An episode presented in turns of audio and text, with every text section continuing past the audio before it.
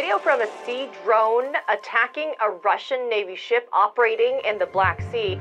Situationen på Svarta havet blir allt mer spänd. Attackerna intensifieras. The strike was a joint operation by Ukrainian forces. Och tonläget skärps. Moscow said it would view all ships heading to Ukrainian waters as potentially carrying weapons. På en kvart får du veta varför Svarta havet nu blir en allt mer central del i Rysslands krig mot Ukraina och vilken effekt de ukrainska havsdrönarna har på slagfältet. Det är torsdag den 17 augusti. Det här är dagens story från Svenska Dagbladet med mig, Alexandra Karlsson. Gäst idag är frilansjournalisten Per Elinder Liljas. Eh, ja, men Rysslands krig med Ukraina har nu pågått i nästan exakt ett och ett halvt år. Och du Per har ju skrivit en artikel i SvD om hur slaget om Svarta havet har blivit en allt mer central del i kriget. Varför?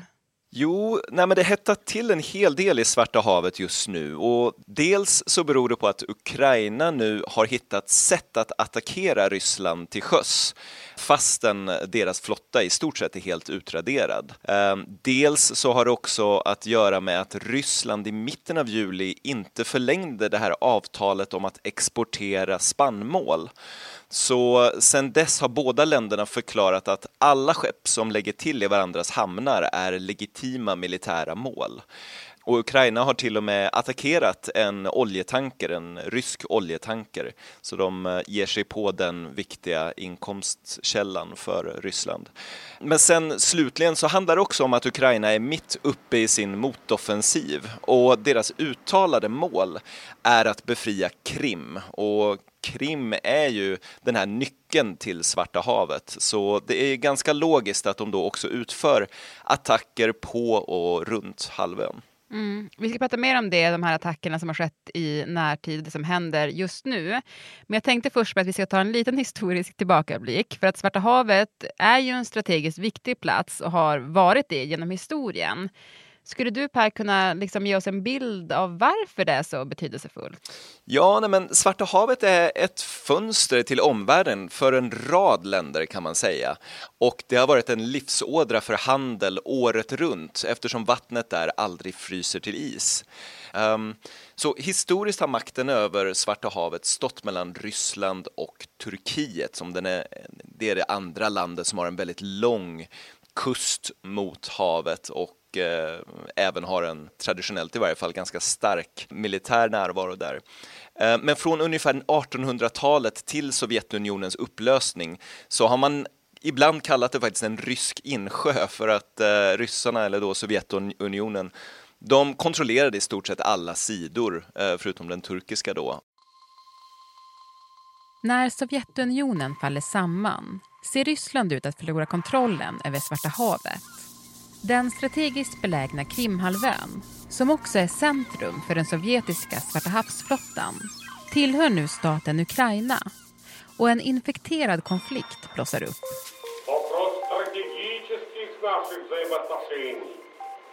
Rysslands president Jeltsin erkänner det nybildade Ukraina men behåller flottbasen på Krims södra udde.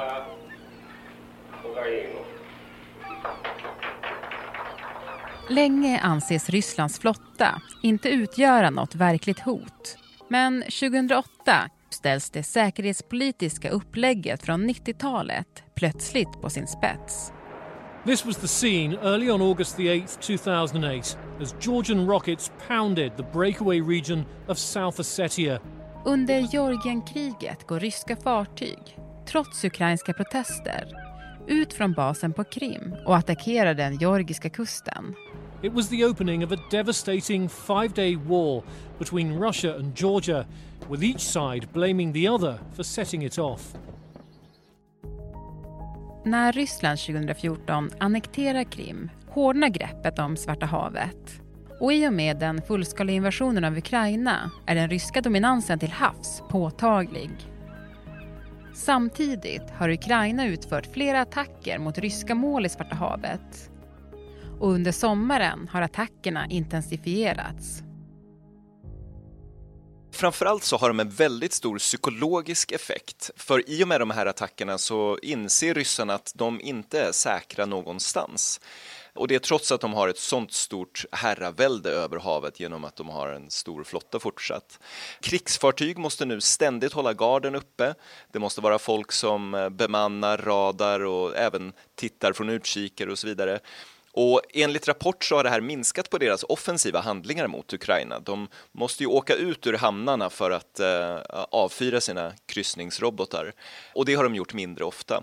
Dessutom så har det rapporterats om att många ryssar som har flyttat till eller besökt Krim under de här eh, nio åren som, eh, som det har varit ockuperat Många har lämnat halvön för att eh, de märker att striden har kommit till Krim. Men du, flera av de här attackerna, alltså ukrainska attackerna, de har ju genomförts med hjälp av så kallade havsdrönare. Hur går en sån attack till? Ja, nej men Ukraina har byggt en mängd havsdrönare eh, det senaste halvåret, snart året. Och eh, för att göra det, det är ganska mycket hemsnickerier skulle man kunna säga. De har ju en vapenindustri sedan tidigare, men här har de använt delar från gamla vattenskotrar, sådana som du eller jag skulle kunna köpa, och utrustat dem med eh, satellituppkoppling, utrustat dem med en eh, stridsspets och detonator och kamera. Så det de gör sen är att de skickar iväg dem tiotals mil till havs från, eh, det skulle kunna vara något ukrainskt fartyg, eh, det har vi inte fått bekräftat än, men eh, annars så skickar de iväg dem från till exempel Odessa eller någon annan hamn. Och så åker de tiotals mil av sig själva och sen så tar en pilot över kommandot där de ser via en eh, videokamera precis vart den här eh, lilla farkosten är på väg. Och det är ju som en ganska så platt båt skulle man kunna säga. Och då längst fram på den här farkosten sitter en detonator, så när den slår in i målet så exploderar den. Mm -hmm. Ja, och eh, det här är nu någonting som, som Ukraina satsar stort på. De gjorde sin första framgångsrika sån här attack i oktober där de körde det som har kallats för en hel svärm med både havsdrönare och eh, flygande drönare och attackerade flottbasen på Krim, Se eh, Sevastopol. Och efter det så gick eh, Ukrainas president Zelensky ut och sa att Ukraina ska nu bygga en hel flotta med havsdrönare och att de söker crowdfunding, alltså folklig finansiering för det. Mm. Men Ryssland då, hur har de svarat på de här attackerna? Ryssland har ju behövt försöka hitta sätt att försvara sig mot det här, så dels har de blivit mer, eh, fått upp garden och helt enkelt måste bevaka havet mycket mer för att se om det kommer några sådana här farkoster. Men dels har de också börjat sätta upp nät eller kedjor runt inloppen till hamnar eller i närheten av skepp. Och grejen är den att det är egentligen ganska så enkelt att försvara sig om man väl lyckas upptäcka en sån här drönare. Men eh, så de här näten, de kan vara ganska effektiva också. Mm. Men den kan ändå spela en roll den här drönartekniken eller i kriget? Absolut, den kan spela en roll för att eh, göra ryska fartyg lite mindre användbara. Eh, det man pratar om är att just nu så kanske det inte spelar den största rollen för att vända kriget eller sådär. Men om Ukraina skulle ta sig närmre Krim och om de vill slå ut transporterna till Krim, bland annat över bron eller havstransporter, då skulle de här drönarna kunna vara riktigt användbara för att störa eh, trafiken till och från Krim. Du, eh, en sak som jag varit lite inne på, men jag tänkte att vi skulle gå lite djupare in i nu, det är ju eh, det här avtalet som Ryssland lämnade i mitten av juli. Eh, det avtalet tillät ju export av ukrainska spannmål över Svarta havet, eh, men Ryssland lämnade då det avtalet. Alltså hur har det påverkat situationen nu skulle du säga? Ja, men det har påverkat situationen väldigt mycket eftersom det har varit oklart om Ryssland då kommer att attackera ukrainska och utländska fraktskepp som lägger till i ukrainska hamnar. Det är det de har sagt, men hittills verkar det som att de har undvikit att göra det, kanske för att inte förarga omvärlden. Ehm, så istället så har de förstört infrastruktur för spannmål i hamnarna. Det i sin tur har ändå lett till friktion, bland annat för att en av de här attackerna ägde rum bara en kort, kort bit från gränsen till Rumänien som ju är ett eh, NATO-land. Så man skickade en kryssningsrobot mot en hamn eh, nära Rumänien och efter det så har Nato svarat genom att intensifiera sina flygningar över regionen. Så Nato är på helspänn, Ukraina och Ryssland också. Mm. Jag tänker många bedömare har ju då varnat för att, att kriget nu kan utvidgas på grund av de här extra spänningarna och att, att fler länder då involveras. Alltså är det en reell fara eller hur, hur ska man bedöma spänningarna nu? Nej men absolut. I mars så tvingade Ryssland ner en amerikansk drönare över Svarta havet och USA sa att den här drönaren flög över internationellt vatten, den hade all rätt i världen att befinna sig där. Och om Nato nu gör fler flygningar så finns det ju mer och mer risk till att eh, sådana incidenter eh, kan komma att ske. Det är också så att Ukraina kommer vilja få ut sitt spannmål när det är skördetid nu närmsta eh, månaden eller två så är det mycket möjligt att de kommer försöka använda rumänska hamnar till exempel för att få ut det här spannmålet. Så vad kommer hända med de skepp som tar sig dit, fraktar spannmålet och fraktar spannmålet därifrån. Så risken är absolut större att fler länder blir indragna. Mm. Om vi tar och går in lite på ett specifikt NATO-land, Turkiet. Eh, vilka intressen har Erdogan i den här konflikten som finns runt Svarta havet? Ja, men jag har pratat med en eh, Turkietkännare som poängterar att eh, Erdogan kommer göra allt han kan för att se till att Ryssland inte inte dominerar Svarta havet framöver.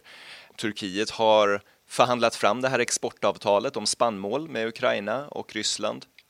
De har nyligen färdigställt ett krigsfartyg till Ukraina, de har byggt drönare till Ukraina och på många sätt så är de Natos viktigaste medlem i regionen.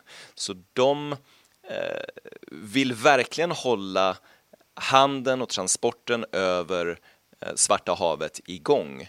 Men samtidigt så, de är inte bara en NATO-spelare utan det de framförallt vill, mer än någonting annat, är att se till sina egna intressen. Så Erdogan och Putin, de har en personlig relation och eh, finns det anledning för Erdogan att eh, vilja blidka Putin så, så kommer han även göra det. Men eh, i första hand så vill de se till att Ryssland inte tar över Svarta havet. Mm.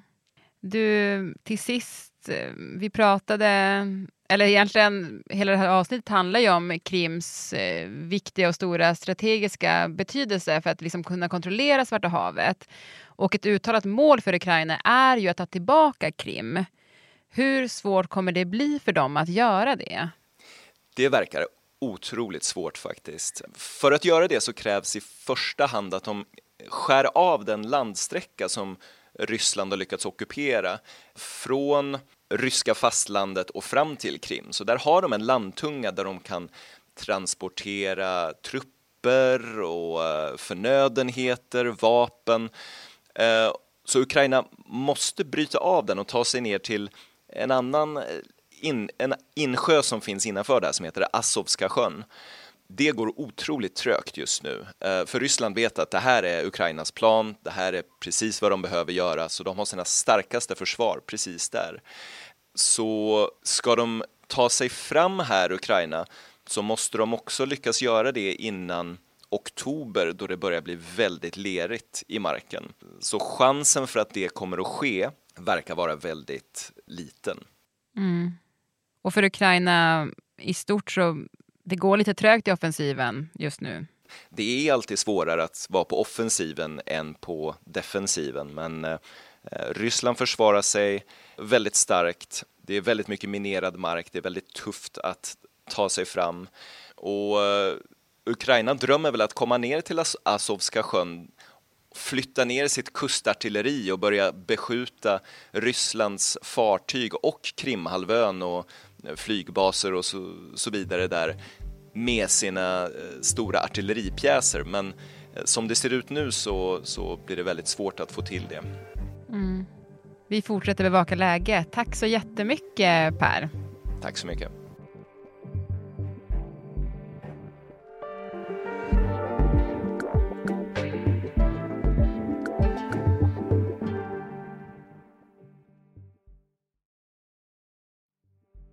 Producent för programmet idag det var Moa Larsson och redaktör var Stina Fischer. Och om du vill eh, kontakta oss så mejla till dagensstory.svd.se. Och klippen i dagens program de kom från CNN, Reuters, AP Archive och TV4.